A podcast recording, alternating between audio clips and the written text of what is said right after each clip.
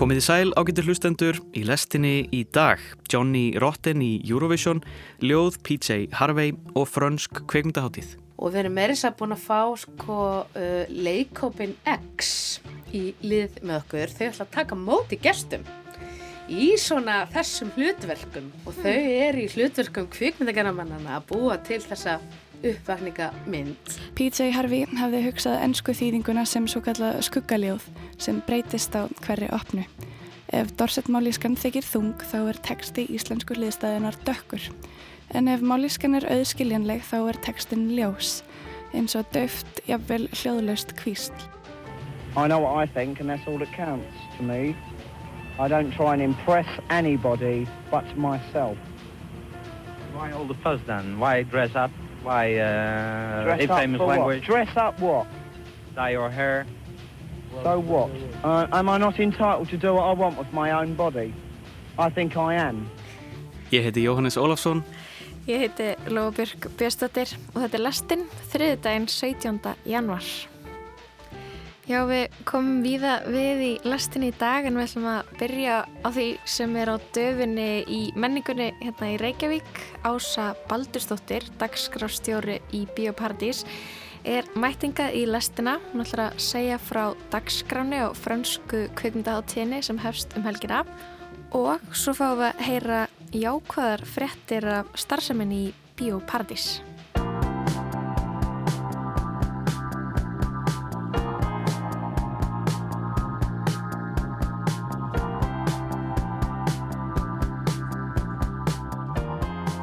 Ertu velkomin Ása? Takk. 23. skipti sem að fransk kvikmyndaháttíð er haldin í, í Reykjavík og gera það að verkum að þetta, þetta er elsta erlenda kvikmyndaháttíðin á Íslandi. Hvað getur þú sagt mér um, um dagskrána í ár? Herru, við erum svo ofsalega spennt fyrir dagskráni ár, venna þess að bara svo ég fara að segja við það, þá förum við alltaf til dæmis til Cannes sem er einn starsta kvikmyndaháttíðin í Evrópu. Og þar eru þetta frönsk kvikmyndamenning algjörlega í háfiðum höfð. Þannig að ég fer alltaf að horfi rosalega mikið á bíó og er að sjá allar nýjustu myndirnar og er ofta á frumsýningum sko bæði með kvikmyndageramönnum og, og jafnvel svona alþjóðlegri Já, alþjóðlega pressunni sko mm -hmm. hérna, og þá auðvitað upplifma viðbrögð svona í fyrsta skipti og annað. Þannig að það er mjög skemmtilegt fyrir okkur að vera í samstarfi við franska sendiræða í Íslandi og Alliance Française mm -hmm. um að dagskrar stýra þessari kvikmyndháttíð af því að hún er auðvitað sko bara, það er svo, það er svo mikið einhvern veginn um að, um að velja af því að það er mikið af frönskum kvikmyndum sem að koma til greina. Mm -hmm. Eru þið alltaf að sína nýjar í blandu við gamlar eða eru þið bara að sína einhvern veginn það besta frá Fraklandi? Þverskur af því besta af árinu. Af árinu, í skil, Já, ok. Þannig að þetta eru nýjar glænija kvikmyndir Mm -hmm. og Bíóparadís eru auðvitað að gefa út uh, nokkrar kvikmyndir franskar sem að fara síðan í almenna síningar að hátt í lokinni. Þannig að þá er ekki, þá erum við með svona ákveðin stökkpall fyrir kvikmyndina að, að uh, svona fá sína frumsýningu á franskri kvikmyndháttið. En ég get byrjað að segja frá opnunar myndin okkar sem að mér finnst það alveg geggjuð sko og ég vil nú bara bæta því við að hún var líka opnunar myndin á kvikmyndháttinni kann Ymmiðt, ok. og Geggjað. hvorki meirinu minna sko og við Þetta er ákvæðum risastórt. Risastórt. C'était dans ça Ouais. Enfin, c'est pas au mot près, mais euh, c'est l'idée.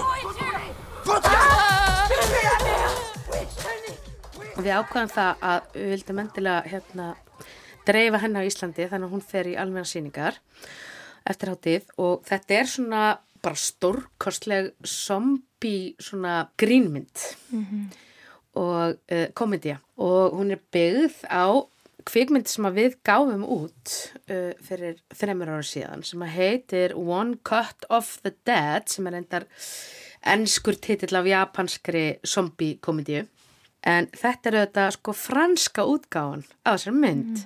Sko þarna er, eh, já þetta eru svona kvikmyndagjara, hópur kvikmyndagjara manna, ungsfólk sem er að taka upp uh, litla svona uppvakningamynd og það er svona uh, mjög lítið fjármagn fyrir hendi og annað. Og svo gerist eitthvað, ég ætla nú ekki að segja hvað, uh, þannig að þá einhvern veginn breytist allt þegar, þegar hérna, þau einhvern veginn lenda í svona kröppum dalsi á, á settinu þar sem að kvikmyndin er tekin upp og hún kemur svo óvart þessi, þessi mynd það hálfa verið nóg. En við ætlum sérst að opna hana á opnunadegi hátíðanar á förstu daginn og við erum meirins að búin að fá sko uh, leikópin X í lið með okkur. Þau ætla að taka móti gestum í svona þessum hlutverkum og þau eru í hlutverkum kvikmyndagerðamannana að búa til þessa uppvakningamynd. Það er nú ekki langt síðan að leikóparun X gaf út eitthvað svona uppvakningamynd sjálf. Getur það ekki verið? Skjálta? Nei, já, skjálta. Hmm.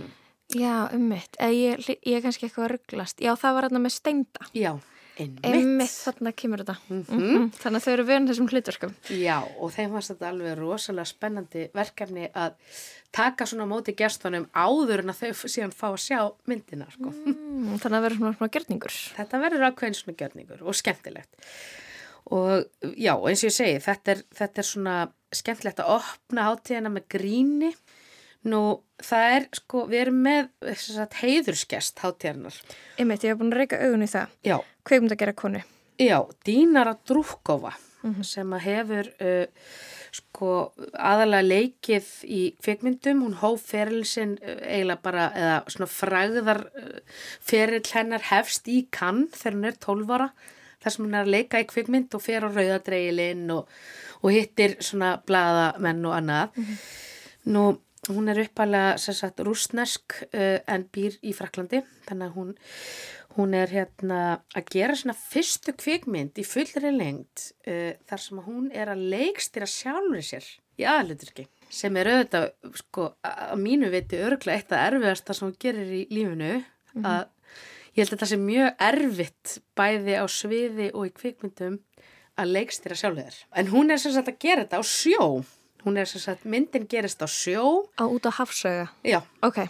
við Íslastrendur undir aðalega sko en já, myndir sem sagt fjallar um þetta að hún fer í, uh, þetta er svona ákveðin áskorun, þetta er, þetta er hérna kona nafni Lili sem sagt kar karakterinn sem leikur sem að svona fær uh, tækifæri á því að vera meðlumur í íslenskri áhöfn Mm á Eh, bát. Já, á fiskvegi bát og uh, þar þarf að svolítið svona sanna svona sína uh, eða svona sanna sig og til þess að vera með í, í þessu svona karlæga umhverfi Nú, E eru þá, eru þá ykkur íslenski leikarar að leika í myndinni? Já. Með henni? algjörlega sko það eru, það eru tveir sem að það er annars vegar Björnlinur Haraldsson sem margir þekkja og svo er það Hjörtur Jóhann, uh, Jóhannsson en það eru líka margir íslenski leikarar sem koma þannig fyrir eins og listakonan Ditta og svo eru við með Halldóru Geirhars hún er eitt auka hlutverkið. Þannig að það er svona bregðið fyrir. Og ég reyndar sko Freirik Þór Freiriksson, hann er með svona statista hlutverk alveg upp af myndar. Svona cameo. Já, Einmitt. En uh, hún er sem sagt að koma til landsins og ætlar að vera viðstödd uh, þessa fremsýningu á myndinni Grand Marine sem á íslensku útlæst sem sjókonan. Þannig að margir sem voru að ræða þetta orð hér fyrir í vikunni eða í síðustu viku fiskari og, og sjómaður. Einmitt. Og okkur vantar orð fyrir konu sem er á sjó. Já, en þessi mynd heitir sagt á íslensku sjókonan og það eru hérna sko líka íslenskir framlegendur sem koma að þessari mynd, Benedikt Erlingsson er einn af þeim og þessi mynd fer sem sagt í almenna síningar uh, á hátíð lókinni líka, mæli með henni. Mjög svona uh, já, bara áhrifa mikil kvikmynd og ég, maður veit aldrei sko hversu mikið maður má segja sko á þess að eins og, og einhver sagði sko hörskuldar viðvörun, ég elska þetta hugtak. Að þú mátt ekki segja mikið kannski. Einmitt. Og hvað, þetta hefst, franska kveikmyndatíðin hefst núna á förstu daginn og standir yfir helgina. Er, eh, er þið vanlega bara með fullt hús þegar eh, franska kveikmyndatíð er í gangi? Já, við, sko þetta er gríðarlega vel sott hátíð og eins og þú uh, réttilega nefndir að þá er hún á sér langa sögu. Hún er sem sagt frá 20. til 29. þannig hún næri yfir tvær helgar og já, þannig að það er svo ímislegt sko í þessari dagskrá. Ég verða nefna eina myndi viðbót bara því að það er svona ein af uh, myndum ársins. Og það er nýjasta myndin hennar Míu Hansen Löfi með Lía Sedú í aðluturki Mitt sem við þekkjum úr Blue is the warmest color. mikið rétt myndinni sem hann vann kann eitt árið. Og þetta er alveg stórkostleg uh, mynd sem að sem að vann svona Europa Cinemas label velunin á kann síðastlinni og það er mjög svona mikil gæðastimpill frá Evrópu. Ég ætla ekki að segja mikið meira um þessa mynd en hún er uh, alveg fanta góð og svona, já, eina þessar sem ég myndi sjá. Og þú stjórnumerkir hana í bæklingnum fyrir, fyrir það sem er áhuga sem er að mæta. Algjörlega. Ok, frábært. Uh, við vorum inn að ræða áður en að við hófum upptökur sko aðsókn í Bíóparadís. Þetta, þetta leit ekki vel út á tíma. Það var skellt í lás í COVID í Bíóparadís og leit út fyrir að þeir voru að fara að loka. Hver er svona, hvernig standa mál núna? Þetta er eiginlega með algjörum ólíkiðum af því að við áttum auðvitað bara svo öll kvikmynduhús erfitt með að halda starfseminni gangandi þar sem að við máttum ekki fá fólki á húsið og þá er auðvitað bæði svona tilgangurinn og eiginlega bara rekstra grundvöldurinn ekki til staðar eða þannig sko. En eins og á svo mörgum öðrum stöðum líka bara öllum stöðum þar sem að fólk kemur sko mm Uh, en auk þess líka bara svona vandra en varandi ímislegt annað uh, í sem þið húsnæðið og annað sem að reyndar leistist en, og farsalega og við erum mjög bara ána með það það sem gerðist uh, var eiginlega bara að núna erum við búin að skila hagnaði í tvö ári röð og það er sko alveg stórkoslegt af því að þegar við hófum þetta starf, Bíóparadís að reka listrand kvikmynduhús sjö daga vikunar allt árið umkring.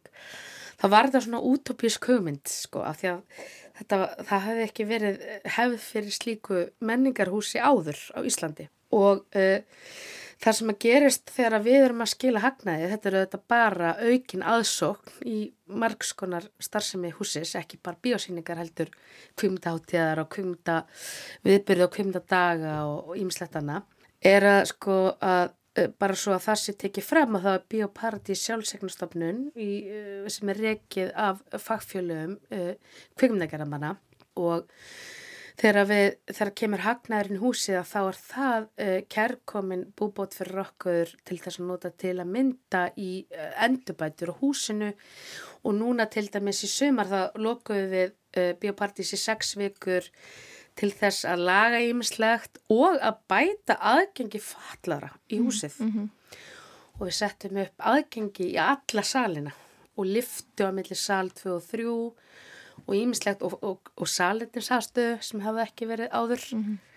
Ummitt og, og fríkuðu upp á rýmið og tóka hans í gegn. En, það, en það var alveg, já, það var alveg hægt að gera þetta þó að, að það liti, liti svona illa út á tímapunktið. Hvað þarna breyttist í millitíðinni? Hvað, hvað verður til þess að það stefni bara í að, að lokun bíóparadísar sem að fjölmarkir mótmæltu og það voru undirskriftalistar og, og svona ganga um á netinu. Hvað breyttist? Hvers vegna er þetta núna alltaf ganga vel?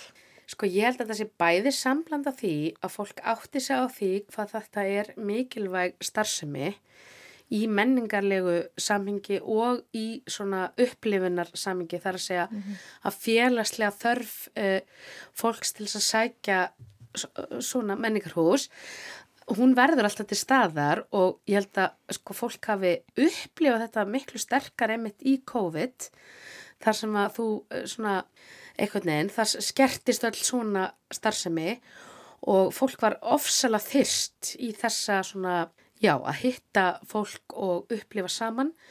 Og ég held að þessi svona uh, einhvern veginn menningi eftir að lifa allt af af því að þetta er, þetta er, þetta er eitthvað sem við eigum alltaf inn í okkur og ég held að öll listran kvikmynduhús eigi þetta inni og áfram. Sama hvernig hagkerfið sko sveiflast til og frá eða hvers konar kreppur skella okkur að þá held ég þetta hafi verið ákveðin vitundavakning sko bæði það að við vorum næstu búin að loka og COVID að þá einhvern veginn sko helst þetta í hendur og bara líka uh, svona okkar full, fulla starf hefur þetta skilað líka árangri að breyka úrvalið, hafa fjölda viðbörða sem að eru svona ná uh, til bregðari hóps fólks eins og til dæmis vinsalu förstudags partísýningarnar okkar. Það er fólk bara að koma saman til að horfa á einhverja góða klassiska mynd og þú veist að allir í salnum eru að skemta sér, jáfnvel þú. Mitt. En steg borgin eitthvað inn til að hjálpa ykkur eða komist þið út úr þessu vesinu sjálf? Það var eitthvað svona í sambandi að leigan er þið ótrúlega há. Hvernig funduðu leið út úr því? Þetta var bara uh, svona samstiga áttak allar sem koma að húsinu uh, að svona láta þetta ganga upp og það sem að gerist var líka er að við vorum svolítið svona þrautseg starfsfólkið að pakka ekki bara saman og svona hanga ekki á þessu eins og uh, sko, hundur á róði eða mm -hmm, þú veist. Mm -hmm. Við sáum bara fyrir okkur það verður að vera þannig að þekkingin má ekki glatast úr þessu mikla og góða starfi. Mm -hmm. Það er uh, svona miklu, uh, ég get eiginlega ekki útskýrta hversu svona ómögulegt uh, ég sé það verkefni að uh, hefja svona starf að nýju eða sem sagt loka og hefja séðan starfið að nýju e, e eitthvað tíman setna mm -hmm.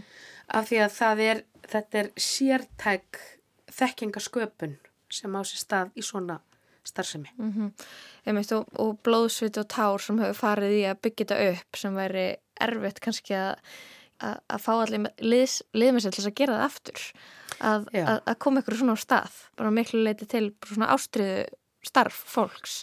Já og þetta er líka sko að byggja upp kvikmyndamenningu eins og nú hefur við búið upp á uh, skólasýningar fyrir alla aldurshópa með kvikmyndafræðingi uh, í öll þessi ár og það er uh, sko risin hérna upp ný kynnslóð uh, fólk sem hefur sótt þessa kvikmyndasýningar og, og það hefur allt sitt kvikmyndalæsi og þetta eru svona uh, já, þetta eru svona mentaleg áhrif starfseminar mm -hmm. sem að verða ekki sko metin af neinum einhverjum sko, uh, já, fysiskum uh, einhverjum svona hlutum. Þetta, þetta, er, þetta er mjög uh, mikilvæg mentastar sem að fer fram þarna og ég til dæmis hef hitt fólk sem er orðið fullorðið í dag sem að byrjaði að koma bara fyrir tíu ára síðan mm. á svona kvikmynda, í kvikmyndafræðslunakar mm. og þetta er ómetalegt. Þetta er ómetalegt að sjá þetta svona starfið er svo ofsalega mikilvægt, bæði út, út frá þessu og líka bara út, út frá aðgengi okkar að kvikmyndamenningu af því að það, við erum jú enþá sko í þessu landfræðilega til þetta eiga, þannig að við erum ekki að fara að hoppa upp í lest og kíkja í næsta listaranna bíó í kaupmanöf bara svona sko. Einmitt, einmitt. En eins og þú veist að tala um að það er ekki bara kvikmyndaháttíðnar og þessar listrænu kveikmyndir, erlendu kveikmyndir sem er síni sem er ekki síndar í, í keðju bíónum heldur er það líka þessir viðbörður eins og svartir sunnudagar og, og förstudagsparti síningar. Er ekki líka bara fólk búið að átta sig betur og betur á því að, að bíó getur verið samkómustæður. Það er ekki endilega að setjast niður og horfa á mynd og, og bora popisitt og fara heim. Heldur er þetta miðstöð og, og kannski bara, já, bara eitthvað svona félagsmiðstöð.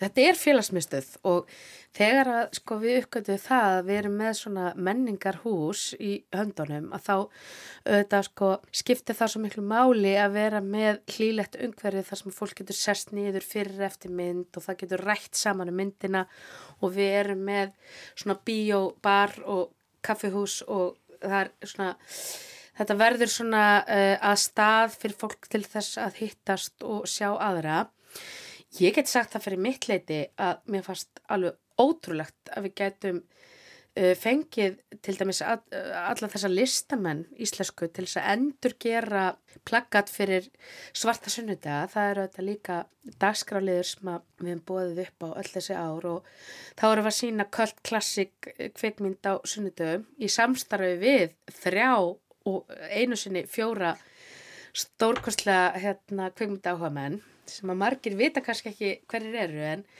en ég get alveg sagt þér hver þeir eru eru Haulingur Dagsson og, og Sigur Jónanni Dveir Sigur Kjartason og Sjón og svo var Pall Óskar einu sinni með líka. En, en að þessu sögðu að þá sagt var hugmyndi svo að fá íslenskan listamann í hverju viku til að endurgera plaggat uh, frá kvikmyndir sem að þeir uh, sagt sett á dagskrá á sunnundum og svo fekk hugleikur þá hugmynd að veggfóðra bara allt innra rýmið í bíónu með þessari samtíma myndlist. Þannig að sko bæði það að þú sittur þarna og ert í þessari félagsmyndstöð en þú ert sko ég, ég er sko umkringt myndlist frá okkar uh, landi eða svona okkar, okkar menningu. Þannig að það er svo margt í bioparti sem er hægt að skoða út frá svona menningarlegum uh, sjónamið Mm -hmm, Algjörlega. Þakka er fyrir komuna í lestina Ása Baldursdóttir. Þú vorum að þess að fara yfir dagskrona á franskri kvikmyndaháttíð sem að hefst á förstu daginn. Það er margt spennandi á dagskrá þar. Gaman að heyra að það gangi svona vel í Bíópartís. Já, takk fyrir. Takk fyrir komuna.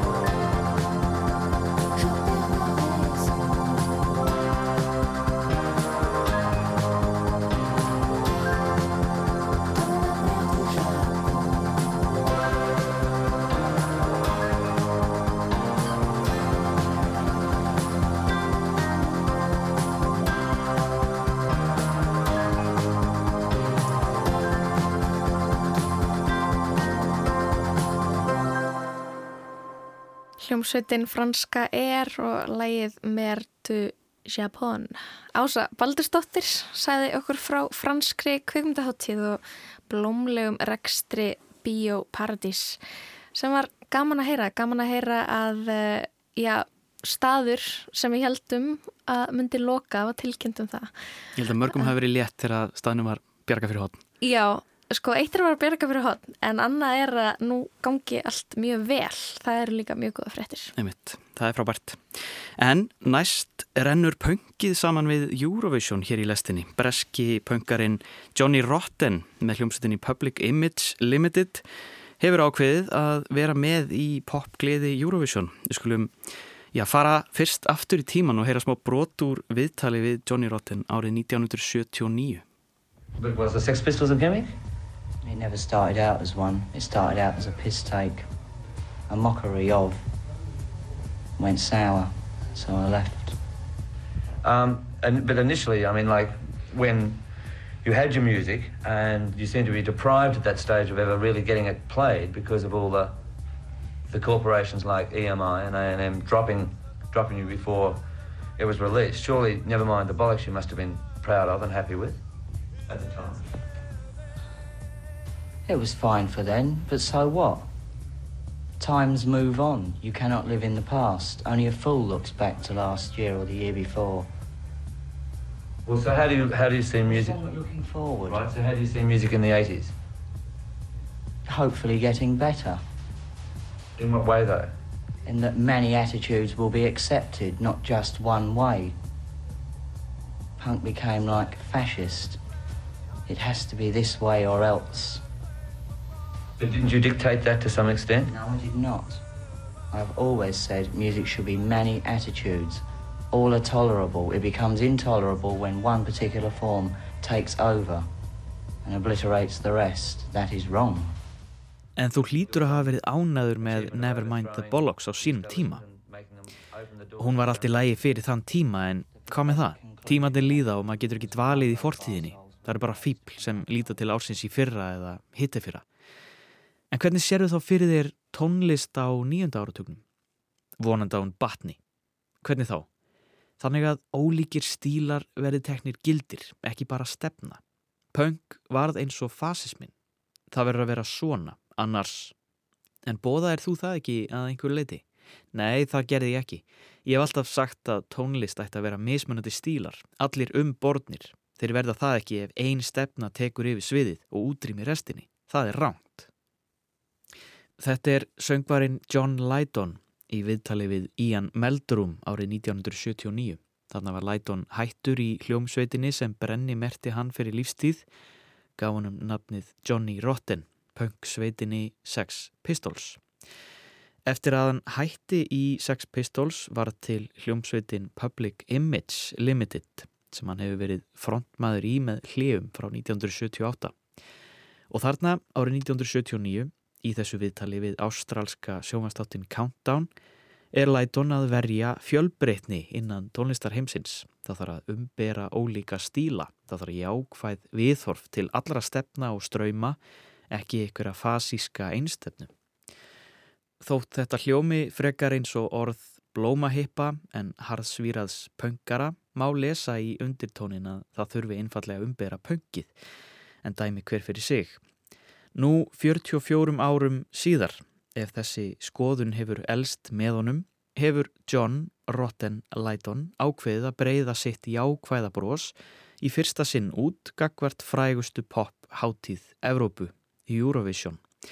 Því það þarf að umbera poppið. Frettir bárust á því í byrjunárs að John Lighton og Public Image Limited væri á leið í undan keppni Eurovision sem haldi verður í bítlaborginni Liverpool í mæ og að þeir myndu keppa fyrir hönd Írlands.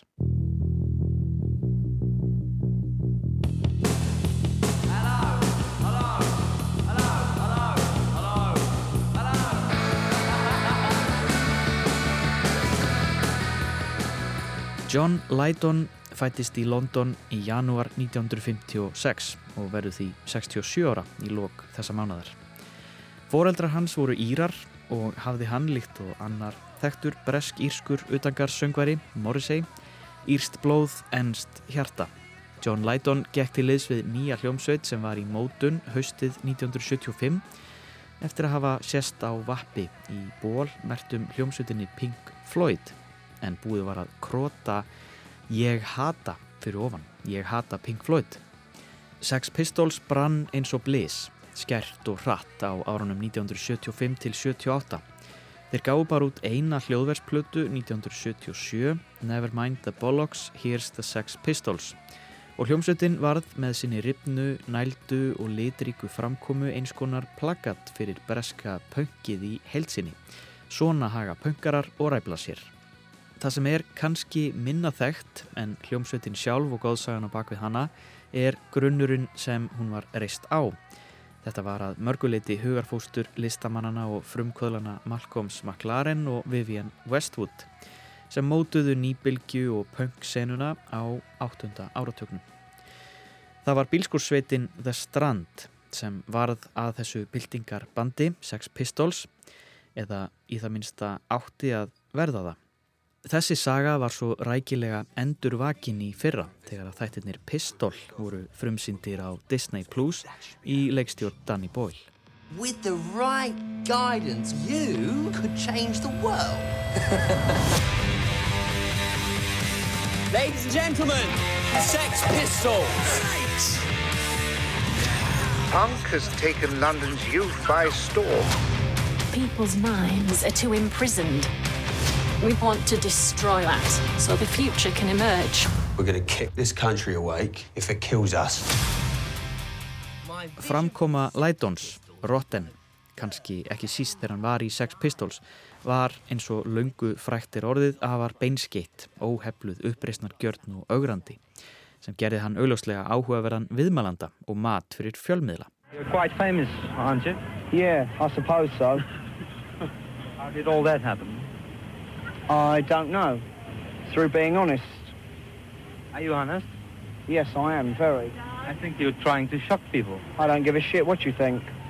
I know what I think, and that's all that counts to me. I don't try and impress anybody but myself. Why all the fuss then? Why dress up? Why uh, Dress up language? what? Dress up what? Dye your hair? so what?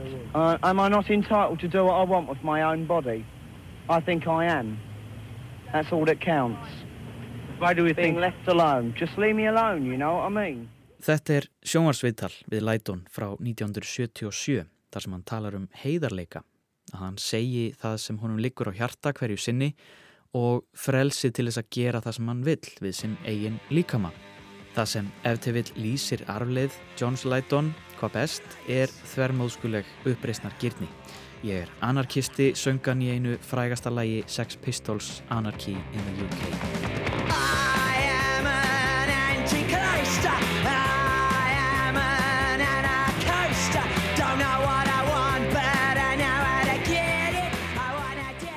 En var John Lydon nokkur tíman raumurlegur anarkisti aðhyldist hann stjórnleysi? Í viðtali árið 2012 sagðist hann að minnstakosti aldrei hafa verið það og bætti við að anarkía væri hugarleikvimi millistjættarinnar sem sagt eitthvað til að hafa áhyggjur af og velta vöngum yfir.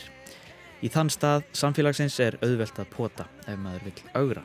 Árið 2022 skrifaði Lydon jafnframt grein þar sem stóð anarkía er hræðileg hugmynd. Höfum það alveg á hreinu, ég er ekki anarkisti og ég er gáttaður á því að það séu til vefsíður þarna úti, .org anarkistasíður sem greitt er fyrir að fullu af stórfyrirtækjum þar sem rausað er um að vera fyrir utan skýta stormin. Það er fáránlegt.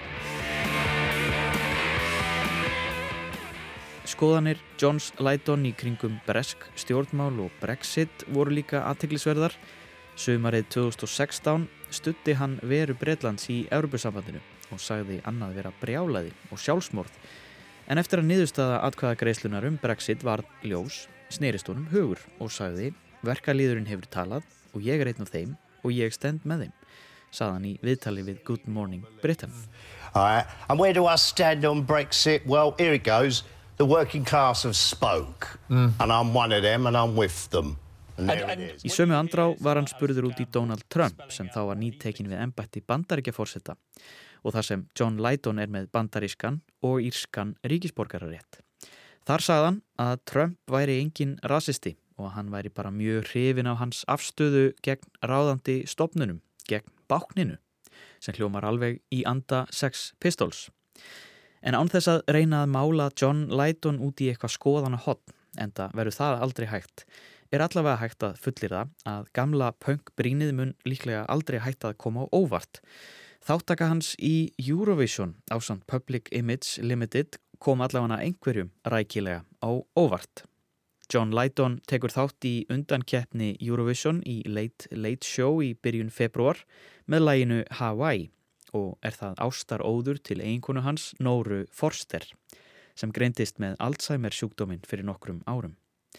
Hljómsveitin segir lægið ángurvært og persónulegt en líka alþjóðlegt ástarlag sem margir munu tengja við. Í yfirlýsingu saði Lætón sjálfur að lægið væri tilengað öllum sem gangi gegnum erfið tímabil á lífsleðinni með maka sínum eða nánum ástvinni og fjallaði um vonina um að ástin sigraði allt að lokum. Þetta hljómar eins og klift út úr einhverju Eurovision handbók frekar en rifið úr gallaböksum pönkarans. En John Lydon á sér greinilega mjúkar hliðar og þetta er því eftir vill rökrétt þróun sem rýmar fullkomlega við þessa frum punk-speki Lydons. Í fyrsta lagi, það að vera alveg sama um allt. Rótpunksins er jú fyrst og fremst einstaklingshyggjan. En í öðru lagi að tónlist eigi að vera allskonar eins og vísa var til hér áðan. Og honum er líklegast nákvæmlega sama um afstöðu annara til stopnana á borðið Eurovision. Það er ekkert hallærislegt eða púko og það skiptir heldur engum máli. Tónlist má bara vera allskonar og Public Image Limited sjá einfallega stort svið.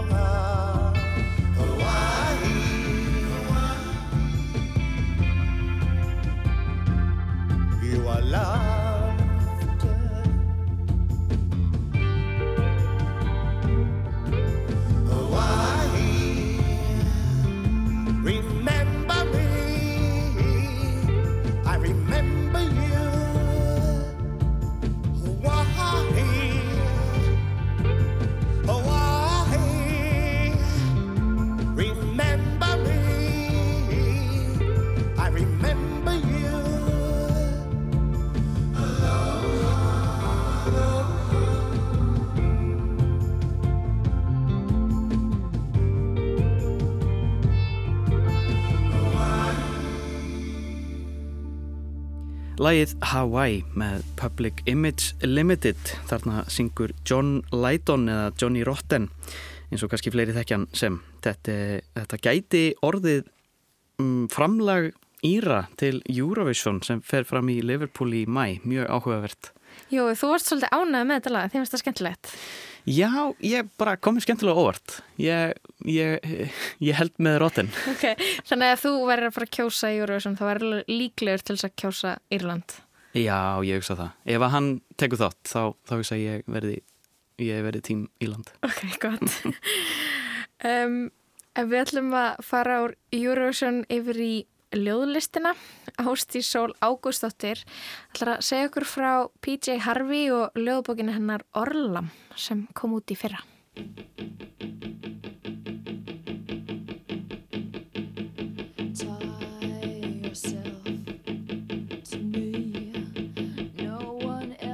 Tónlistarkonan PJ Harvey ætti að vera mörgum kunn en það hefur hún verið mikilvæg persóna og stórfenglegt afl í tónlistarsenunni síðan á nýjunda áratögnum Hún hefur hlotið fjöldan allan af verðlaunum og fengið ímsar virtar viðurkenningar fyrir listilega lagasmíði. Polly Jean Harvey, betur þekkt sem PJ Harvey, er fætt 9. oktober 1969 í Dorset héræði. Ung hóf hún tónlistarfell sinn með hljómsutinni Automatic Dlamini en þar söng hún og spilaði bæði á gítar og saxofón. Nokkrum árum síðar sló hún til og gerðist solo tónlistarkona. Síðan þá hefur hún gefið út um það byrju nýju plötur og í dag tróna tvær þeirra á lista Rolling Stone yfir 500 bestu plötur allra tíma. PJ Harvey er ekki engungu þekkt fyrir hæfileika sína á sviði tónlistar. Hún er listræn á mörgum sviðum og þá sérstaklega sem skáld. Hún hefur sendt frá sér tvö ljóðasöfn. Hið fyrra, The Hollow of the Hand, kom út árið 2015 rúmu ári áður en hún tróði upp hérlendis á tónlistarháttíðinni Iceland Airwaves. Hefði síðara sem ber heitið Orlam kom út í fyrra og hefur fengið góðar viðtökur. Ljóðasamt þetta er með nokkuð sérkennilegu sniði og ætti að vekja áhuga allra þeirra sem láta tungumálið seg varða. Reaping Once a spireful seed was sown all must be cut down once grown. Men shall fall beneath the elm, under earthly overwhelm. Freen from fleshy, freen from bloods, all our shades flit to the woods. Eve men holds them in his gloam, chalky children take 'em home. Merge 'em with the mish and leaves. Conjure us to silent sheaves. Ljóðið Reaping sem við heyrðum PJ Harvey lesa rétt í þessu er eitt ljóðana úr bókinu Orlam en þau eru 99 talsins og drefð á 12 kabla en hver kabli samsvarar einum mánuði ársins. Mætti því kalla þetta ljóðsögu því sagtur frá einu ári í lífi ungarar stúlku, hennar nýju ára gamlu Íra Abel. Lesendur fylgjast með því hvernig hún vexur grasi, segir skiliði barnasku sína og kemst í fullorðina manna tölu. Þetta tiltekna ljóð sem við fengum að heyra býr yfir drungalegum blæ en þrátt fyrir það á ljóðið að gerast á sólríku túni í júlímánuði. Þetta ljóð er því nokkuð lýsandi fyrir hildarbrag bókarinnar sem er nokkuð hróllveikjandi. PJ Harvey stiðist við dularfull hjátrúar og þjóðsagna minni til þess að kalla fram þessi ókveikjandi hughrif en innblásturinn á hún að sækja í heimahagana. Það er Dorset héradið í suðvestur Englandi.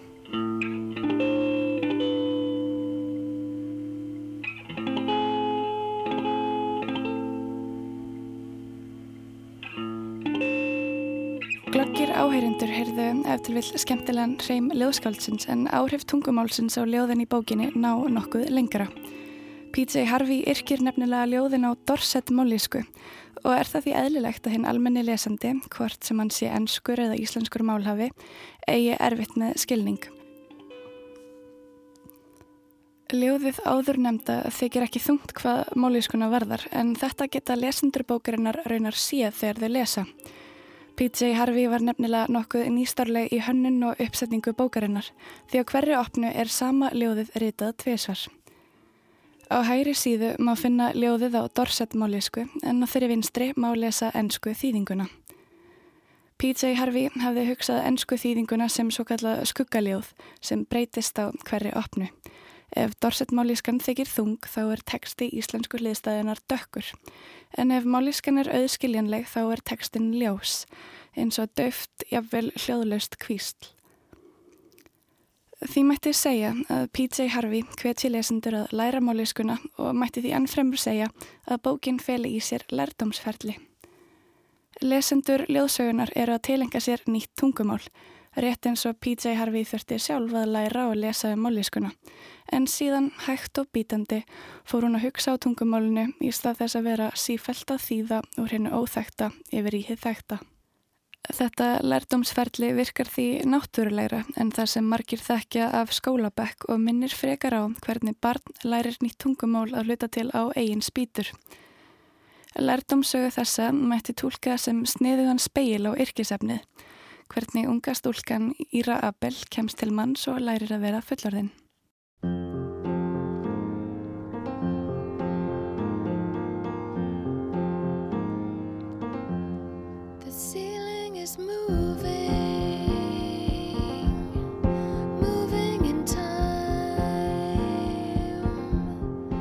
Time. Dorset mállískan er þó að sjálfsögðu ekki einungis bundin við hinn rítuðu orð sem byrtast okkur á blaðsíðum bókarinnar. Heldur skipta hljóðin og hljómfallið gífurlegu máli eins og í allri ljóðlist. Ljóð eru hljóð, taktur, söngl, kvísl og raul. Hljóð geta kallað fram myndir og vakið hugreiningar. Til dæmis mætti revja upp ljóðlínu sem við heyrðum áðan. Once a spileful seed was sown eða í minni laugislegu íslensku þýðingu. Eitt sinn var byggfrægi, sáð, en orðið spæl merkir einmitt bygg og snýr þá P.J. Harvey út úr orðinu og býr til einhvers konar atvöksorð. Spælful sem hún segir einmitt minna mikið á orðið spætful sem vekur óhugnaði í hjörtum áherenda. Þessi hughrif finnst henni eiga vel við ljóðið Reaping sem fjallar að mestuleiti um dauðan.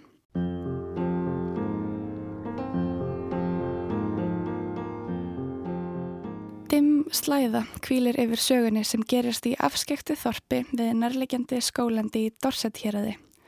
Náttúran og umbreyting skóarins með árstíðunum er í forgrunni en PJ Harfir yrkir ekki til að hylla sveitasæluna eða romantíst landslag. Þessi stað beinir hún sjónum að einsemdini og fátæktinni, að draugum og dríslum sem ráfa rænulausir um ævafortna skóa. Sagan gerist í ákveðnu tímaleysi, hún geti gerst í okkar samtíma en hún geti einni gerst mikið fyrr. Menningar minni og þjóðsagna minni berjast um að fanga aðtikli lesenda. Gamlar barnavísur dúka upp hér og þar á samt gullkornum um forna siði og hjátrúarvenjur. En þess á milli má finna ljóð sem vísa til dæmis í Macbeth eða í elvislægið Love Me Tender. Sagan er því í stöðugri ringrás. Hún er nýtt og endur nýtt en P.J. Harvey var einmitt heillið af hugmyndinu um hvart tíminn og sagan gætu hrunið og fallið saman. Úr verður ógnvænleg þoka sem heilur tafrandi land, land sem er raunar til því tilvist þess hefur verið köllið inn öldum saman með tali, hjali og hefðum. Þetta er saga sem æðir áfram og skrifar sig sjálf, hver þjóðsagan og fætur annari spinnur vefsinn utanum nýjastu dægurlögin. Því mætti segja að þjóðsagan og sagan, þetta sem við kallum stundum sannleikan, væru skuggar hvor annars. Nákvæmlega á sama hátt og enska þýðingin geti verið skugga sjálf máliskunar. Skuggar fólksinn sem við erum nú eru kannski börnin sem við skildum eftir þegar við urðum fullorðin og sama tíma skildum við eftir töfrandi þjóðsögur úr tíndum tíma sagleisisins. Þessu er þó ekki hægt að breyta, rétt eins og æfaforna barnavísan sem kemur á undan ljóðinu Childhood fjallar um. Ekki er hægt að vera þar sem ég myndi vera, því þar væri ég ekki. Hugsanlega getur P.J. Harvey útskýrt þetta ögn betur. Oh, that I were where I would be, then would I be where I am not. But where I am, there I must be. And where I would be, I cannot. Childhood. Hook Farm bent my infancy. So I fled through the back door for the company of Gore Woods, its Sooners, Eldred and Soft Miche. There I wept intimacies into crypts of bracken and fern. Toad's meat Jew's ears and Guku spettles sustained me through Underwellum, a West Country misty outstep with three horse stones, the golden fleece, and the red post. Nesh, necromancer, I lay with corpses in my lime pit, begging them answer, then scratch their charms in the oak skin under the glow of Orlam. Ira, you seer, you sleepwalker, I see you stumbling in outsized boots through the wrong era, cradling the pale blue sick bowl of childhood. Yet you shall meet him, the eternally bleeding soldier. You, a shepherdess who cannot whistle, who only ever saw one for sorrow, a not girl, not boy, bride of his word. Do you remember the first kiss? Stars shooting across the sky. To come to such a place as this. You never left my mind.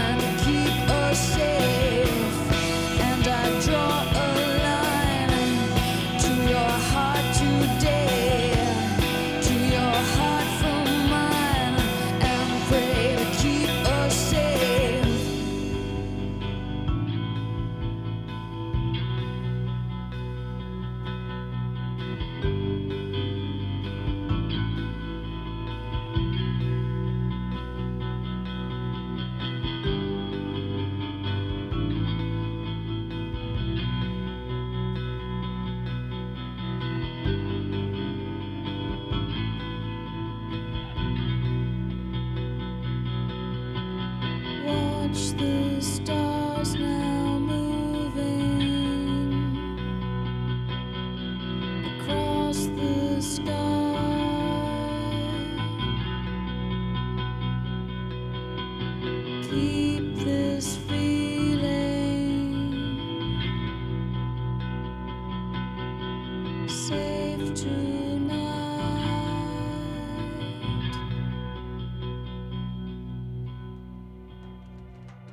One Line með PJ Harvey, þá er hún Ástís Sól Ágústóttir sem að fjallaðum ljóð tónlistakonunar úr ljóðabókinni Orlam.